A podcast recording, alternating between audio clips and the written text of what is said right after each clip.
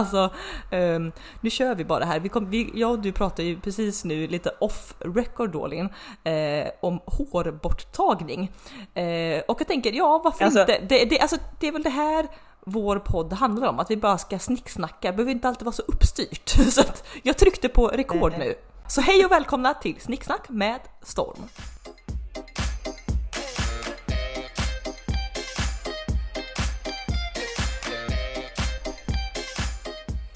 Ja, alltså och eh, ja, det här pratar vi om. Det här har varit en följetong under eh, nej men sommaren kanske man kan säga. Det vi har slidat in på ämnet eh, permanent hårborttagning ett par gånger under sommaren.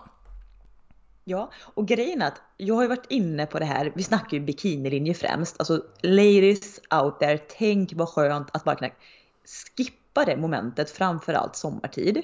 Eh, och att jag har tänkt tanken Ja, hur många år kan det varit? Jag hade en sommarjobbare hos mig som var väldigt så här, ja men hon var väldigt utseendefixerad och körde då lasrade bort håret på bikinilinjen. Eh, det kanske är fem, sex, sju år sedan, minns inte. Nej. Men jag vet ju att hon sa att det krävdes ju typ 8 till 10 behandlingar.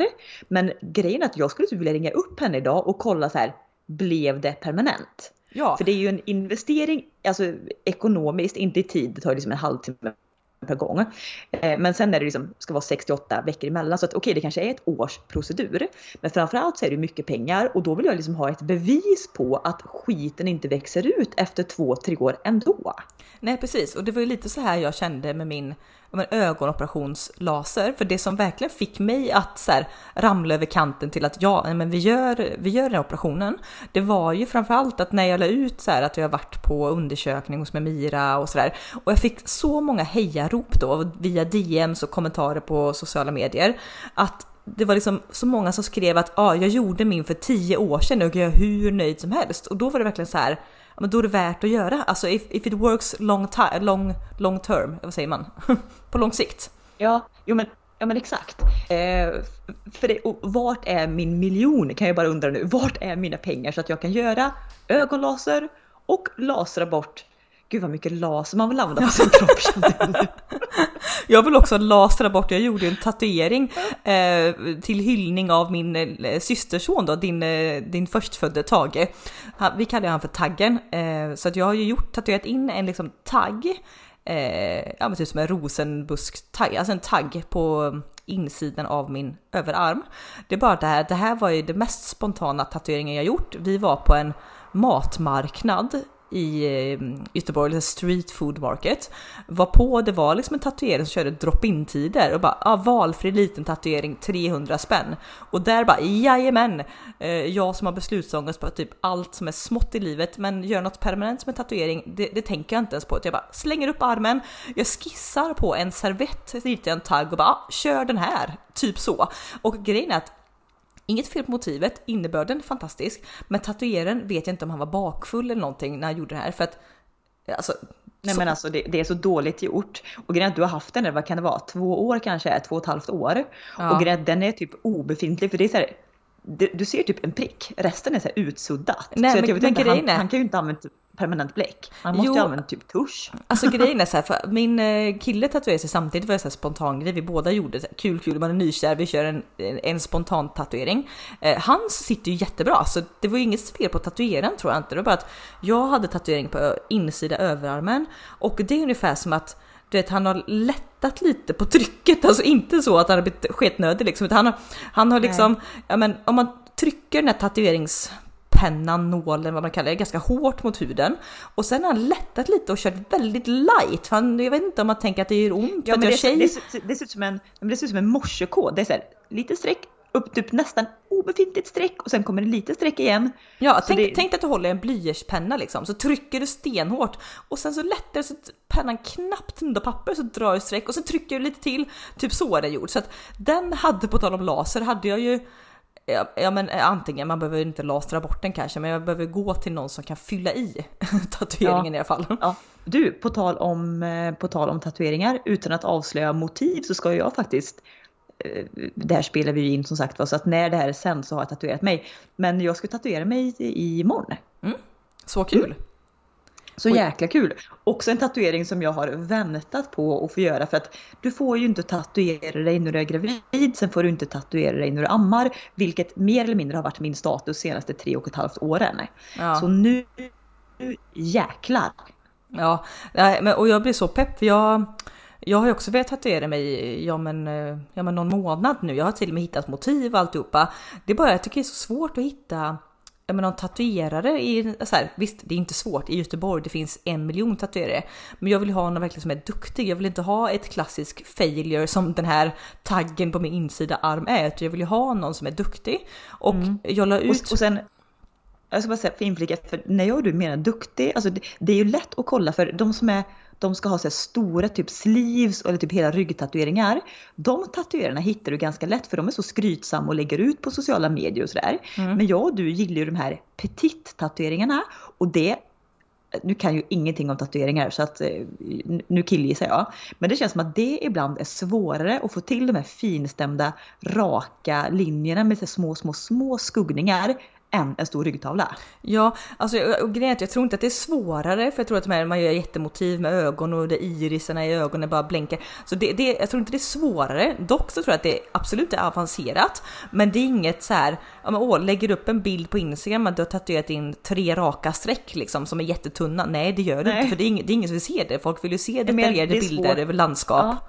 Så det är svårt att hitta de som tatuerar smått. Ja, dock, Sen kanske alla gör det, I don't know. Nej, jag tror, alltså, jag tror inte alla gör det riktigt. Sen, sen är det också nackdelen, det har jag verkligen lärt mig. Jag har ju fyra tatueringar nu och alla består ju av liksom små streck. Väldigt tunna streck. Eh, och det, det, som är verkligen så här, det som är nackdelen med den typen av tatuering är att de är jättefina när man gör dem och så kanske typ ett halvår efteråt. Sen börjar ju tatueringar i tatueringsspråk alltså blöda ut, alltså ja. blöder ju inte men de flyter liksom ut lite grann så de här raka linjerna som är med perfekt knivskarpa och, och det mellan de mellanlinjerna så huden syns. Alltså till slut flyter det ju bara ihop. Jag har ju en tatuering på den första jag gjorde, den har jag på eh, insida handleden och det är ju en slags grekisk symbol. Alltså det här är liksom en del av ett kedjeband av symboler. Man kan ju se, ja men typ på handdukar. Men betyder inte typ evighet, alltså betyder inte evighet eller någonting det här tecknet? Nej, inte evighet, det utan det, det är liksom, det betyder, jag tänkte så här, bara så att folk vet vad det är för symbol. Om ni ser på handdukar så har de som ett band längst ner av det här mönstret. Det är liksom fyrkanter som är, alltså i, vad fan ska man förklara, det är som ett evighetsband typ av fyrkanter. En Ja exakt, säg att du skulle rita typ så här, som en sni, när du ritar en tecknad snigel, själva snäckan där, att du börjar liten ring som går större och större och större och större. större. Ja. Så är det ju fast fyrkanter, liksom typ ja, precis. kantade linjer liksom så. Så blir ja, ja. liten som växer. Mm. Ja, lite oregelbundet. Det, det ska i alla fall vara en tatuering som symbolar, inte, inte evighet, men eh, livets gång. Att det, går, att det är lite kantigt och det går liksom upp och sen går det ner och det, ja, det är lite sådär. Eh, mm. det är också så rolig grej när jag gjorde den här tatueringen. För det var också så här, ja, hitta en tatuerare i, då var det Uddevalla, hitta en tatueringsfirma, bara, ja, eh, gör en tatuering. Eh, liksom, det var ja, men en seriös firma och alltihopa. Kommer dit, eh, ska precis sätta mig och tatuera mig, var på en killkompis från Göteborg ringer och säger bara, men du jag är i stan, vad gör du? Och jag bara, jag ska precis tatuera mig i handen. Så här, Fan vad ballt, jag kommer dit. Så att i den tatueringsfirman, och min tatuerare då, man typ 35-årsåldern, har också med sin treåriga dotter i studion för att han har inte fått barnvakt eller någonting då. Eh, så att du vet, och det här då var på så här, jag sitter och ska bli tatuerad, det är nervöst, det är min första tatuering. Eh, var på dottern då, du har ju en treåring, din dotter ska ju klättra på pappan med han tatuerar, bara, vad gör du? Jag mm. får se och dra och rycka i armen. Så att jag är så svettig när jag sitter där och tänker bara, kan ingen ta den här jävla ungen? Varpå då, eh, som du var, min kompis från Göteborg, killkompis, rycker ju in så han får ju gå runt och bära henne och leka så här hästen, att hon rider på hans axlar i typ de här 45 minuter någonting vad det tar att alltså, göra. Savior säger jag bara. Ja, exakt. Alltså gud vet hur den hade slutat annars. Ja, det, de här raka strecken, den blev ändå väldigt rak. Men, men det jag skulle säga då att den här har ju suttit på min arm nu i sex, sju år, någonting där, sex år. Eh, och eh, den är insidan på handleden precis liksom.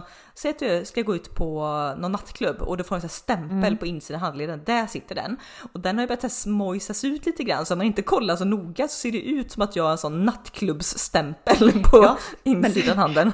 Men du, jag, jag funderar också på, för att jag tittar precis på min tatuering, det är också extremt tunna fina linjer och där har det inte suddats ut ett smack. Men jag tror också typ, om du tittar på vart dina tatueringar sitter Anna, så är det så här, insida överarmen, det är handled, du har alltså vristen insidan, eh, ställen där du skaver huden extremt mycket, eller Ja, hur? ja, ja. Kollar du på var min tatuering sitter så sitter den liksom på baksidan av underarmen, det vill säga att där, du skaver ju aldrig någonting någonsin emot där. Nej, så nej. jag funderar på om det, inte, alltså om det är en kombination av just så här tunna linjer som ja, de blöder ut lite med tiden, men också typ att du hela tiden har en sockkant eller liksom en tröja eller ett, vet, ett klockarmband, någonting som sitter och skaver jämt. Mm. Så det jag funderar på det, för jag ska ju göra på ett sånt ställe ska jag ha min tatuering och det är en tunna linjen tatuering. Ska jag, du vet, ska jag dra isär den lite?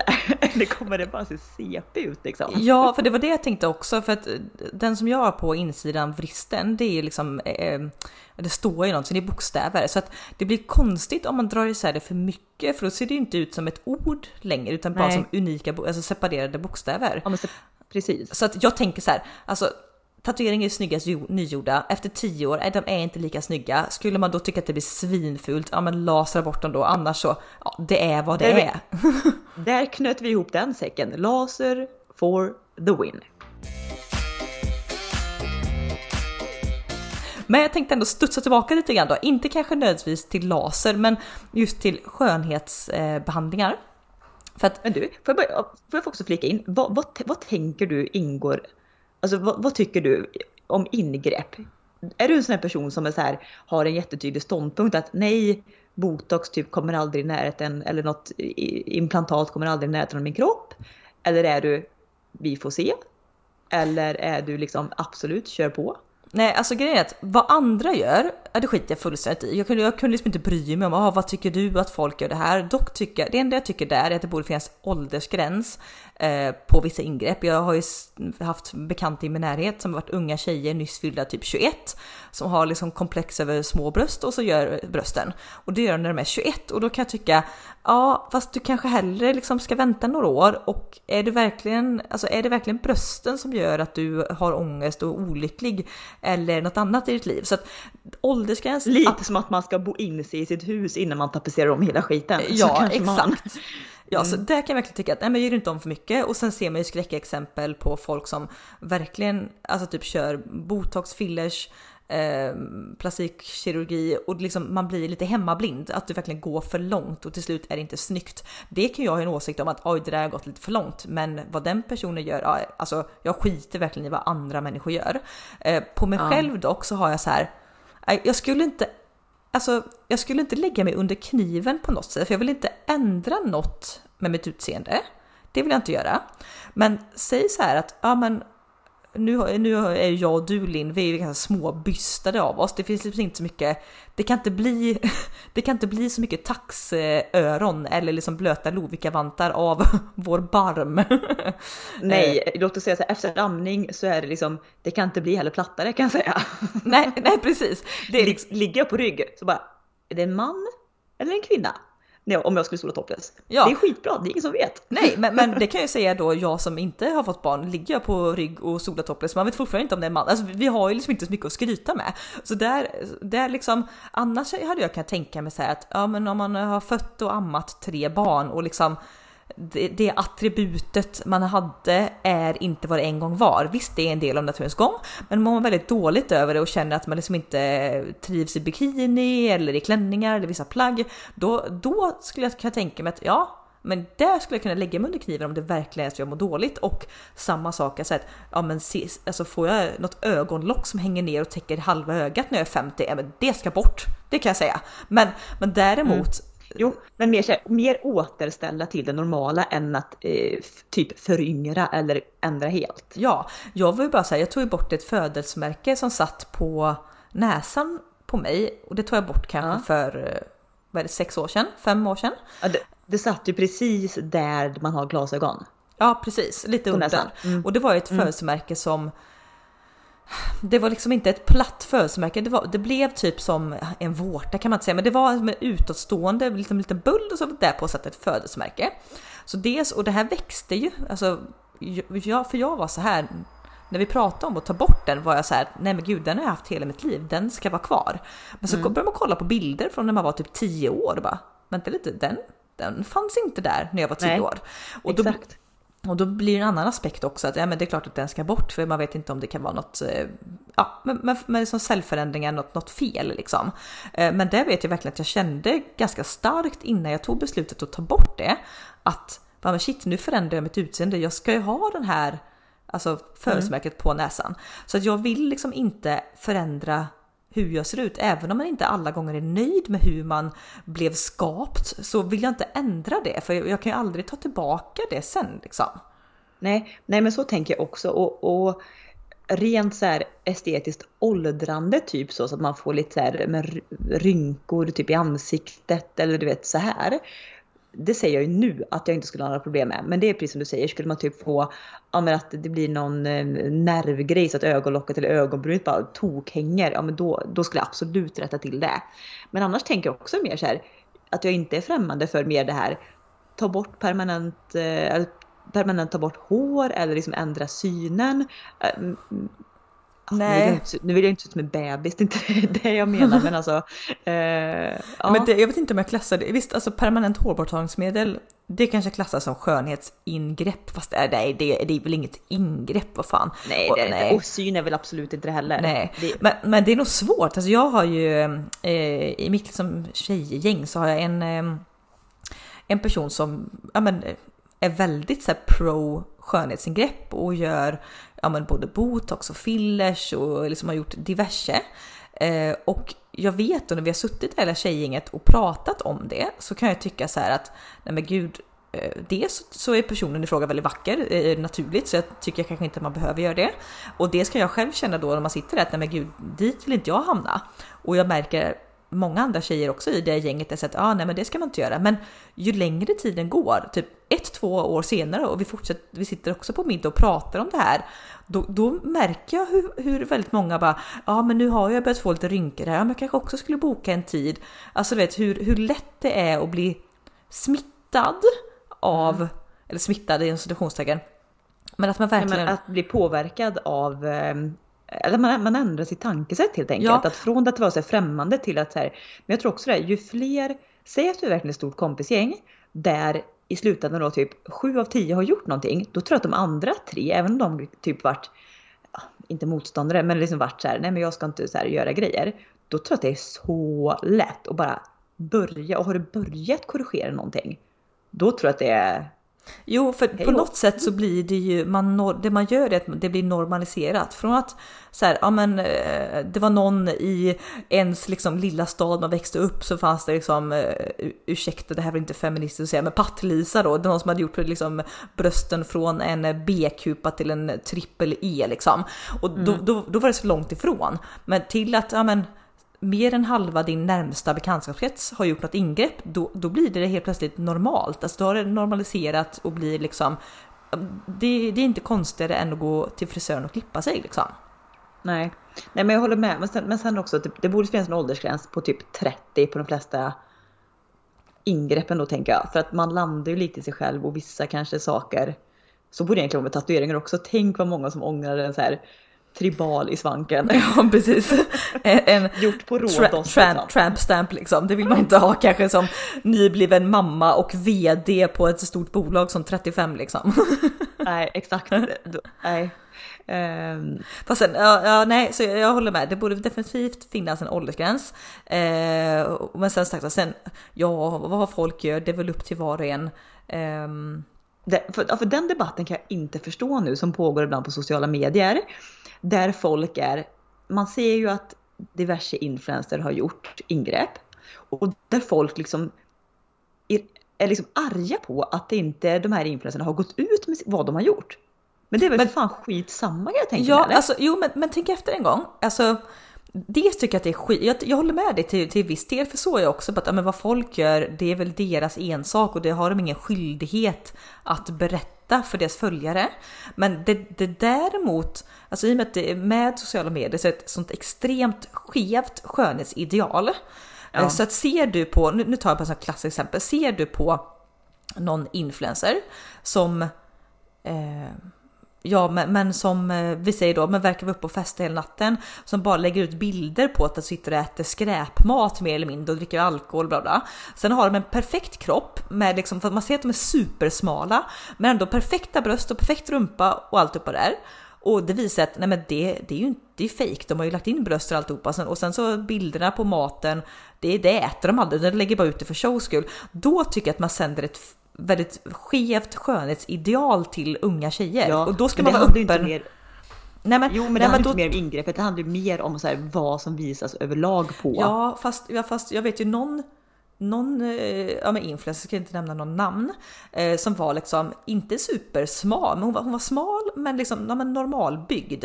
Och sen typ sista ett och ett halvt åren så har hon tränat väldigt mycket, gått ner väldigt mycket liksom, i, i vikt och blivit liksom, ja men fått en Victoria's Secret kropp om det nu är vad man vill eftersträva. Eh, men också samtidigt ha två perfekta små runda melonhalvor till bröst. Och det vet ju jag och du att ja, men om du verkligen ska ha ett sånt sunt leverne, du tränar väldigt mycket som tjej. Bland det första som ryker är ju brösten, för det är fettdepåer liksom. Så de Ja. ryker.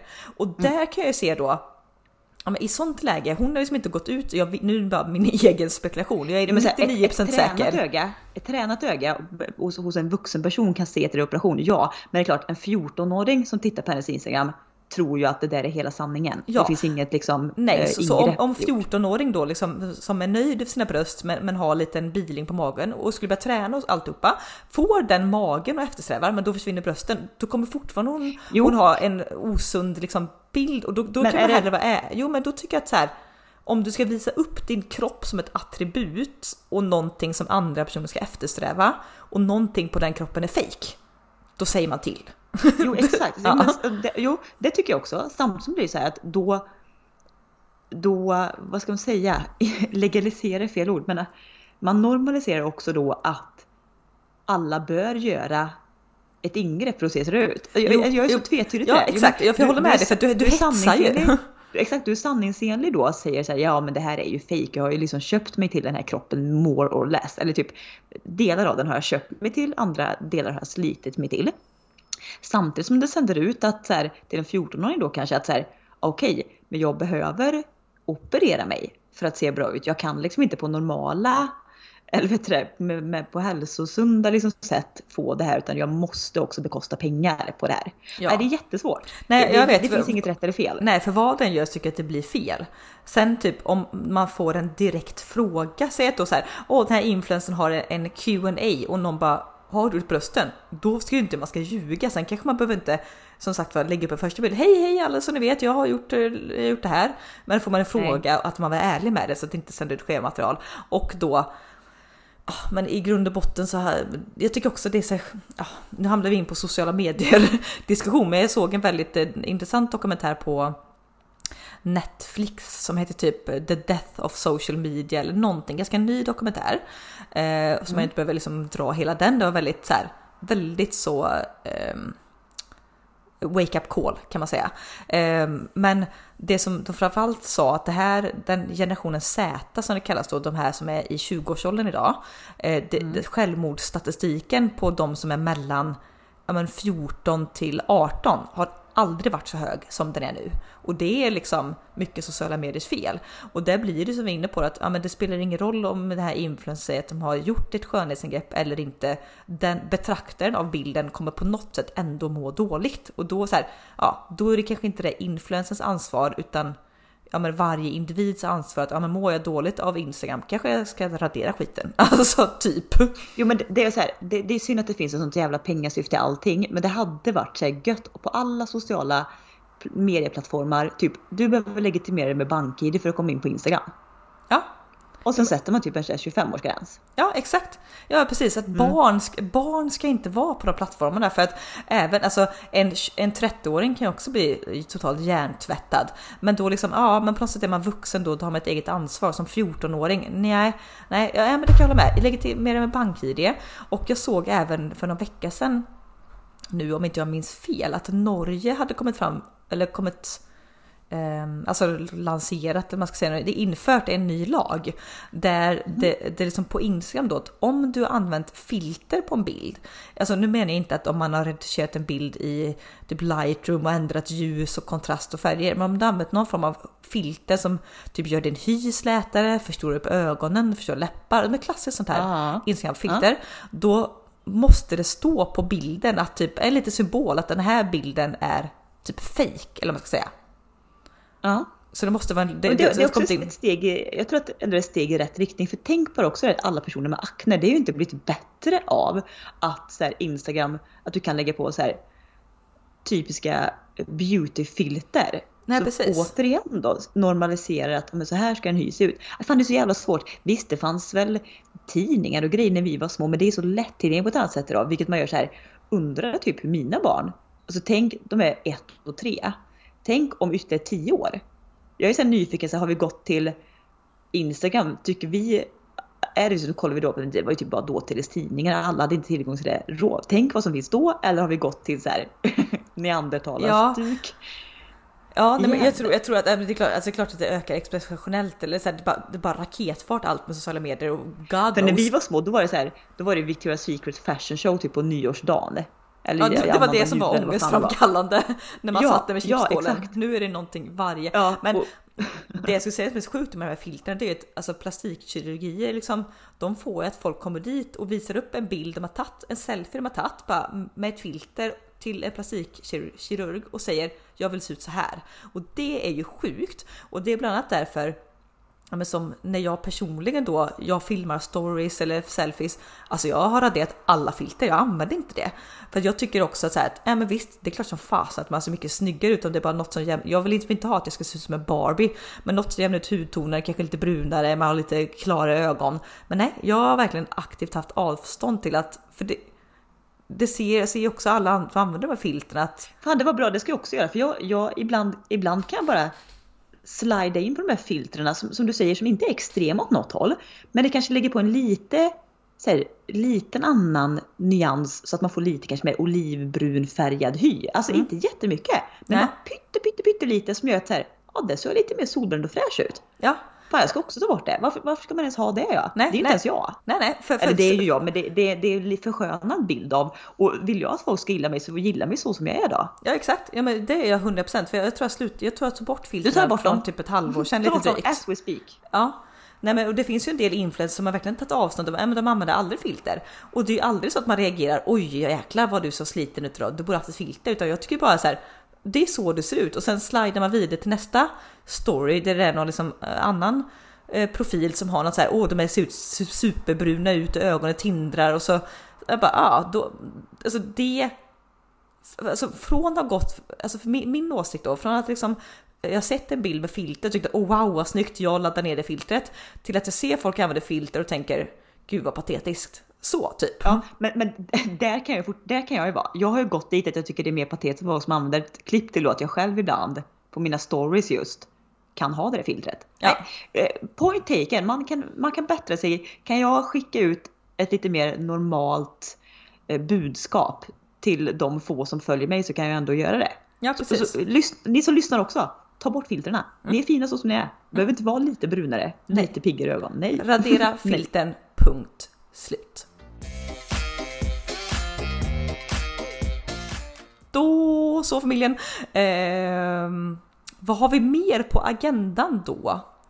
Jag är ju... Du, kan, vi bara, kan, vi bara, kan vi bara komma in kan vi bara komma in lite på allt gott som finns att äta nu i skördetider? Alltså bara, bara, bara nämna lite. Jag ska äta, det är kväll nu.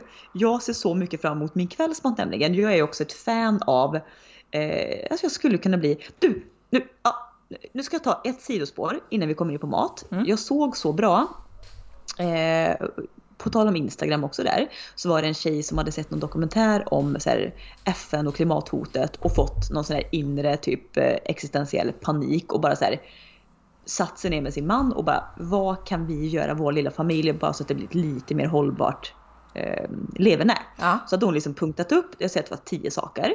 Och jag kände mig ändå så ganska duktig för att jag var, ja men säg av de tio sakerna så kanske jag gjorde 6-7 stycken av dem idag. Mm. Det var typ så här. eh, Men en grej var så här, åk elbil. Nej men det har jag inte råd med för det är för dyrt engångsinköp. Men sen Mm. var det så här, ja men källsortera till viss del, ja. Eh, veckohandla, ja.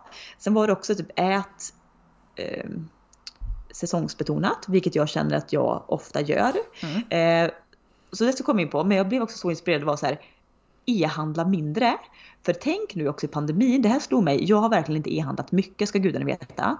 Men man har blivit ändå lite bekväm med de här e-handlarna, så det är så här fri frakt, fri returer, vilket gör att du kan så här, shoppa, prova hemma, skicka tillbaka. Men fatta vad Ja. paket och plast och kartonger och alltså transporter som går bara för att folk är lata och inte går i butiker.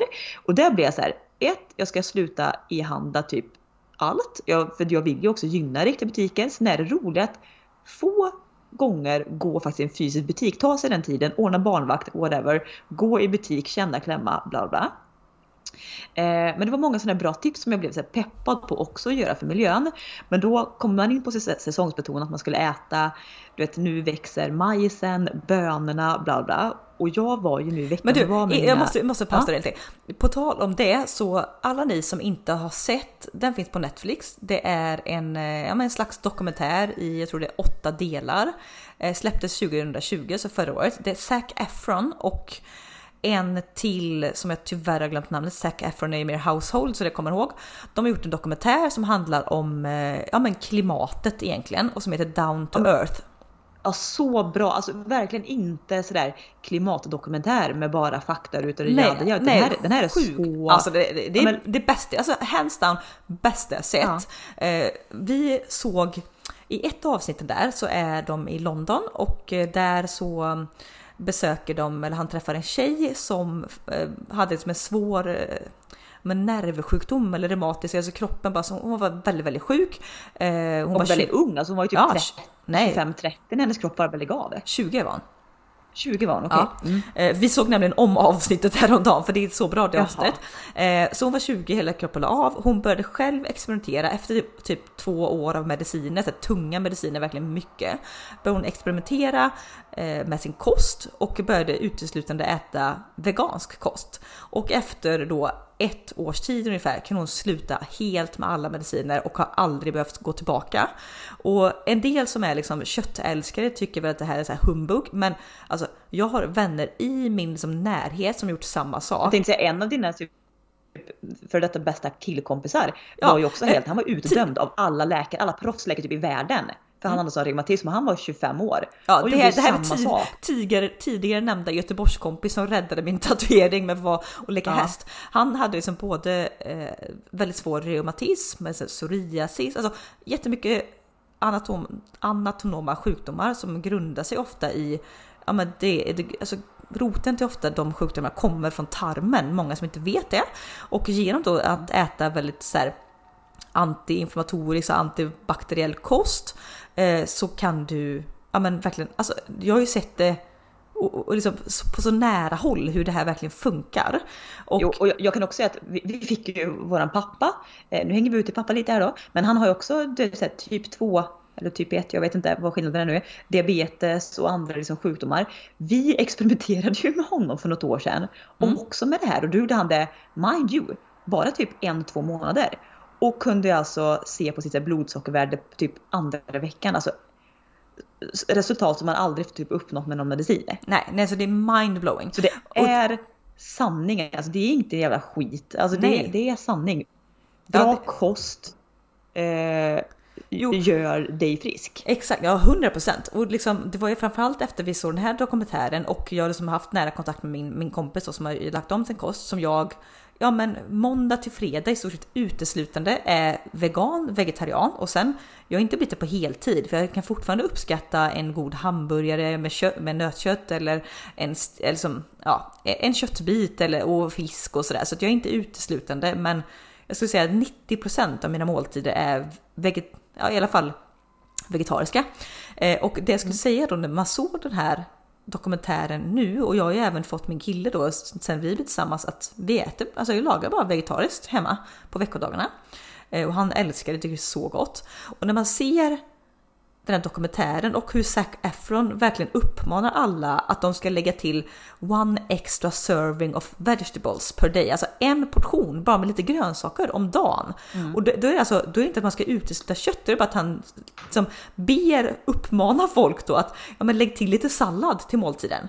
Och den mm. jävla chocken. Den här hjärtefrågan, ja men alltså den här hjärtefrågan, jag skulle kunna prata sönder folk du vet som inte... Ja, ursäkta, ursäkta, ursäkta många... nu, ursäkta med alla ni som bara äter kött, sås och potatis, ni är dumma i huvudet. Jag, alltså 100% stå mot mitt ansikte, jag, håll, jag kommer säga det tills jag dör, ni är dumma i huvudet. Alltså, det, det, nej. Ja men ja, Alltså folk som inte äter grönsaker, du vet som kan bara säga nej jag vill inte ha någon sallad. Då snackar vi inte om så här gurka, tomat, isbergssallad. Utan med folk som inte äter bra grönsaker för att typ så här, det är jävla kaninmat. Alltså då vill jag, jag vill radda upp dem mot en tegelvägg och bara skjuta dem alltså. Sånt. Ja, Auschwitz är tillbaka, vill göra nackskott på varenda, nej men ursäkta, okej det här, ni, ni hör, lyssnade, det här eldar upp oss fruktansvärt. Eller men folk som bara, jag gillar ingen frukt. Nej. Förlåt? Nej, men har jag någon hjärtefråga i mitt liv så är det ju det här med kost. Inte för att man ska säga bli deffad eller liksom Nej. vikt. Nej, för att dina organ, din kropp, alltså du, din eh, kvinnliga cykel, inte för fan vet jag, men att allt ska funka. Ja. Och det, det är så, också så pepp på här nu förlåt, men när, när, man, eh, ja, men man försöker också typ med sina barn, du vet smyga i, för det är inte, jag kan säga det är inte det lättaste. Barn är inte, äter kanske inte alltid grönsaker. Varför har, man, varför har man sånt motstånd som barn till grönsaker? Nej, jag vet inte, och du, det, kan säga, det, det är inte, det är inte uppfostran, för gudarna ska veta att jag äter också om jag äter liksom mina mål, så här, jag, vill, jag vill jättegärna äta veganskt eller vegetariskt. Så det är inte jag som har så här, bara fört in att det ska vara korv på menyn 24-7. Men det är som att barn har en jävla inbyggd smakradar liksom som är helt... Men du, ja, men, jag, här, jag, korv, hörde, fiskpinnar. Mm. Jag hörde någonstans, eh, nu säger jag inte att korv inte smakar någonting, det är inte därför. Och att liksom, det är inte så att en morot smakar så extremt mycket mot en korv. Men det är någonting du vet på tungan så har du små som så här plupp, plupp, plupp, plupp, plupp. Det är smaklökarna. Ja, smaklökar. Mm. Och det sägs, liksom, nu kryddar jag kanske lite här, jag vet inte, jag har inte faktacheckat detta. Men det sägs att du har fler smaklökar när du föds och de här blir färre och färre och färre ju äldre du blir. När du är riktigt gammal så har du ganska få kvar och det är också Jo, det är en... också därför typ äldre inte tycker att mat smakar någonting, typ på äldreboenden. Alltså, nej, nej precis. Också, kanske... också en hjärtefråga. Äldre har väldigt mycket sämre smak och doftsinne, eller doftsinne framförallt och det som ofta styr smak.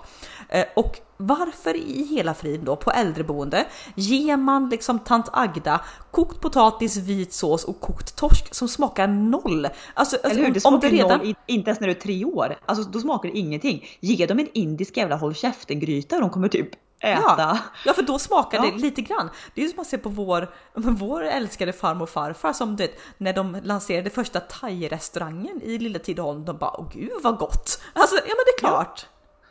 Ja, och det här, det här är också så här, du vet, någonting jag brinner för, ja kost och sen är det typ hur äldre behandlas och jada jada. Jag vet jag hade så många så här volontärprojekt i huvudet igång för några år sedan. eh, det kanske blir något med det, vem vet. Men nej men det här att man ska verkligen äta ja, men de, dels för kroppen och sen också för klimatet. Jag, ju, du vet, eh, gick ju så igång då när man kan åka. Jag och kottarna här nu var på ett stort växthus som ligger inte långt från där jag bor. Där det är självplock på du vet, brytbönor, tomater i alla möjliga så färger, storlekar, former, paprikor, chili, gurka, vinranke liksom som klättrar. Och du vet, att bara gå där och plocka de här tomaterna nu var det mycket bara så här körsbärstomater och cocktailtomater moget. Men du vet när man sneglar bort mot de här växthusen där det växer så här bifftomater. Mm. Och bara du vet vetskapen av bara en solmogen sån med typ 3 ton olivolja, flingsalt och så något surdegsbröd till. Är det så gott va? Är det så gott? Vem, vem, vem är inte himmelriket då? Ja, vem behöver kött? och sås och potatis? Nej, inte jag. nej. Nej, nej, men alltså så här, helt seriöst in, inte, titta, titta bara antingen på dig själv kanske eh, eller typ i lunchmatsalen på ditt jobb. För så tänkte jag när jag var på mitt tidigare jobb.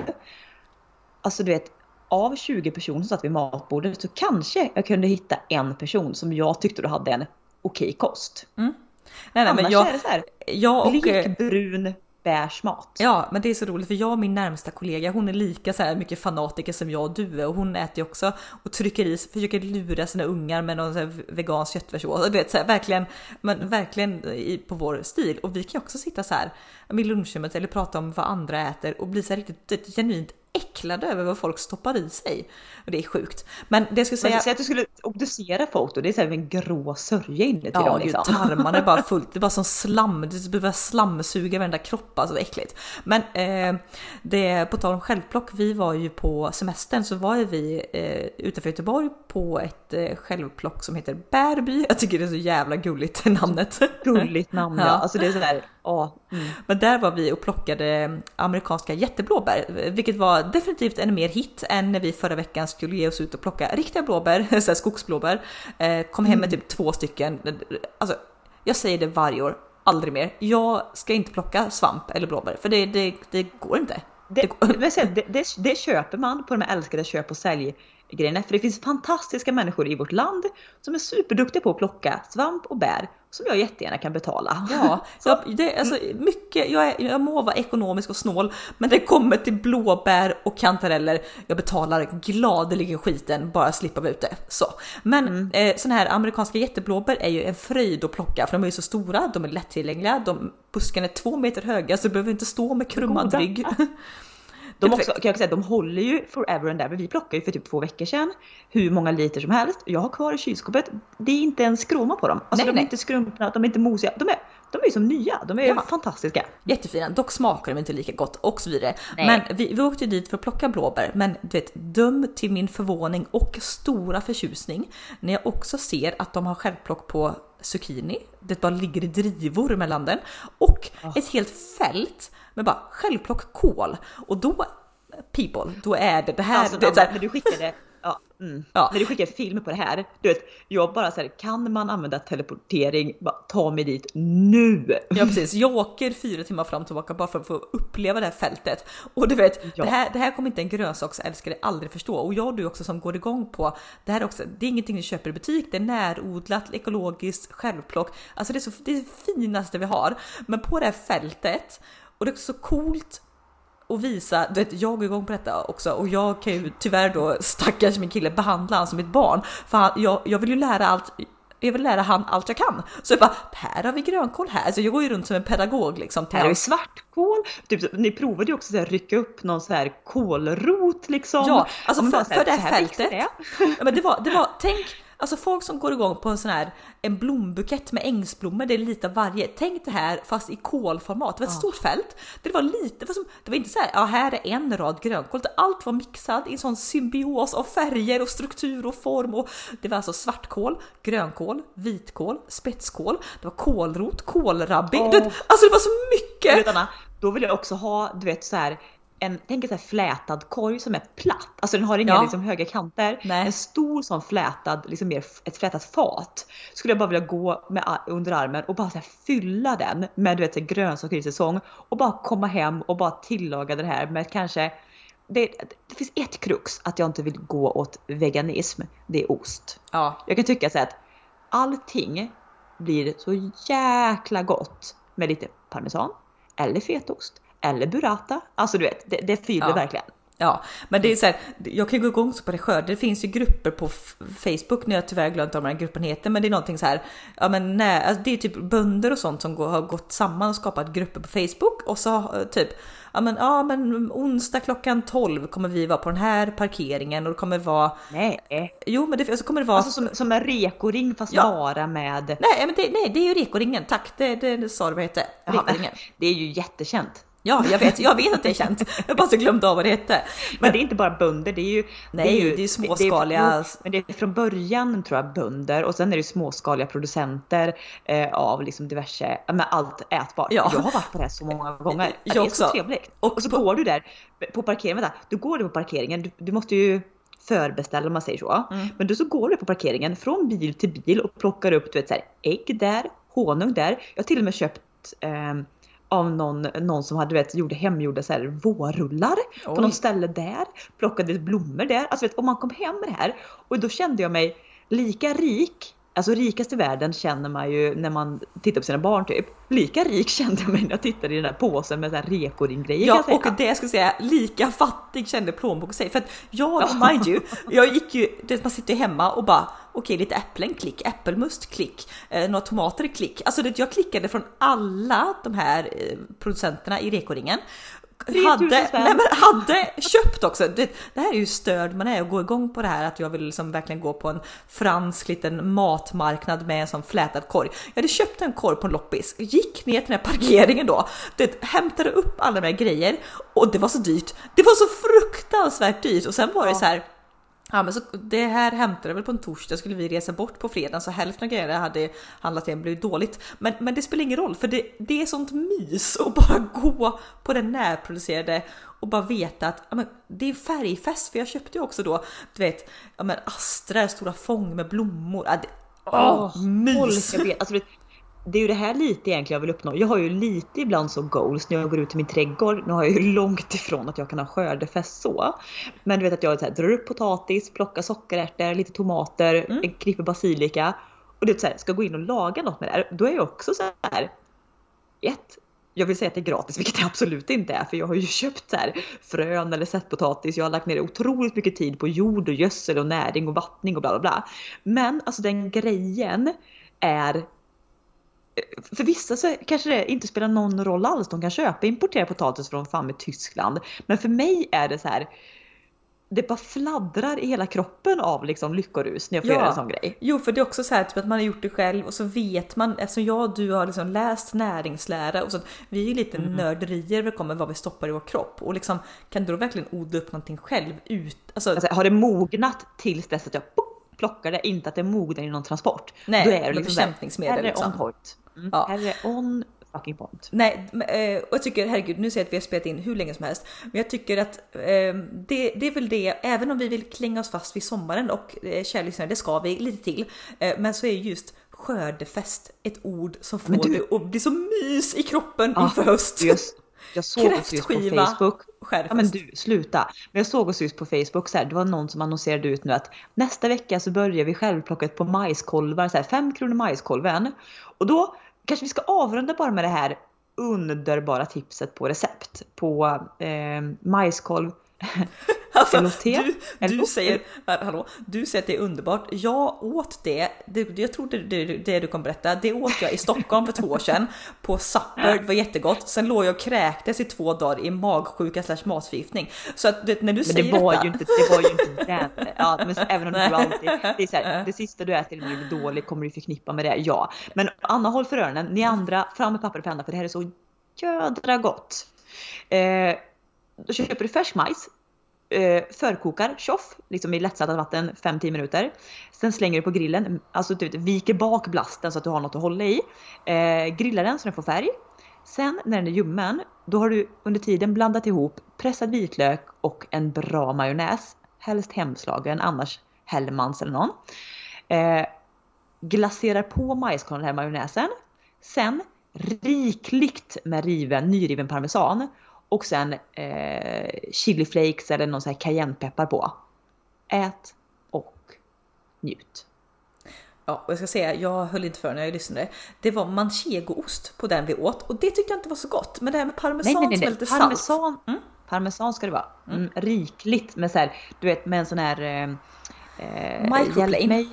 Exakt, tack. Microplane, att det blir så här fluffigt rivet. Förstår ni vad jag menar? Ja, man vill, man vill all, alltså parmesan vill man aldrig ha rivjärnsrivet. Det ska vara fluffigt som ett moln. Så investera i ett microplane. Ja, antingen så eller chunky bitar som försnack. Mm. Men det känns som att jag skulle sagt någonting innan. Men vi kanske bara ska, ja, det här har varit allt ifrån skönhetsingrepp, sociala medier, skördefest, folk som är dumma i huvudet som äter bara kött.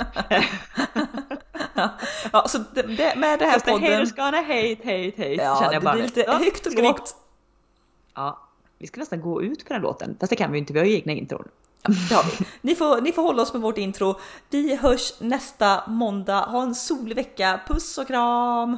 Puss!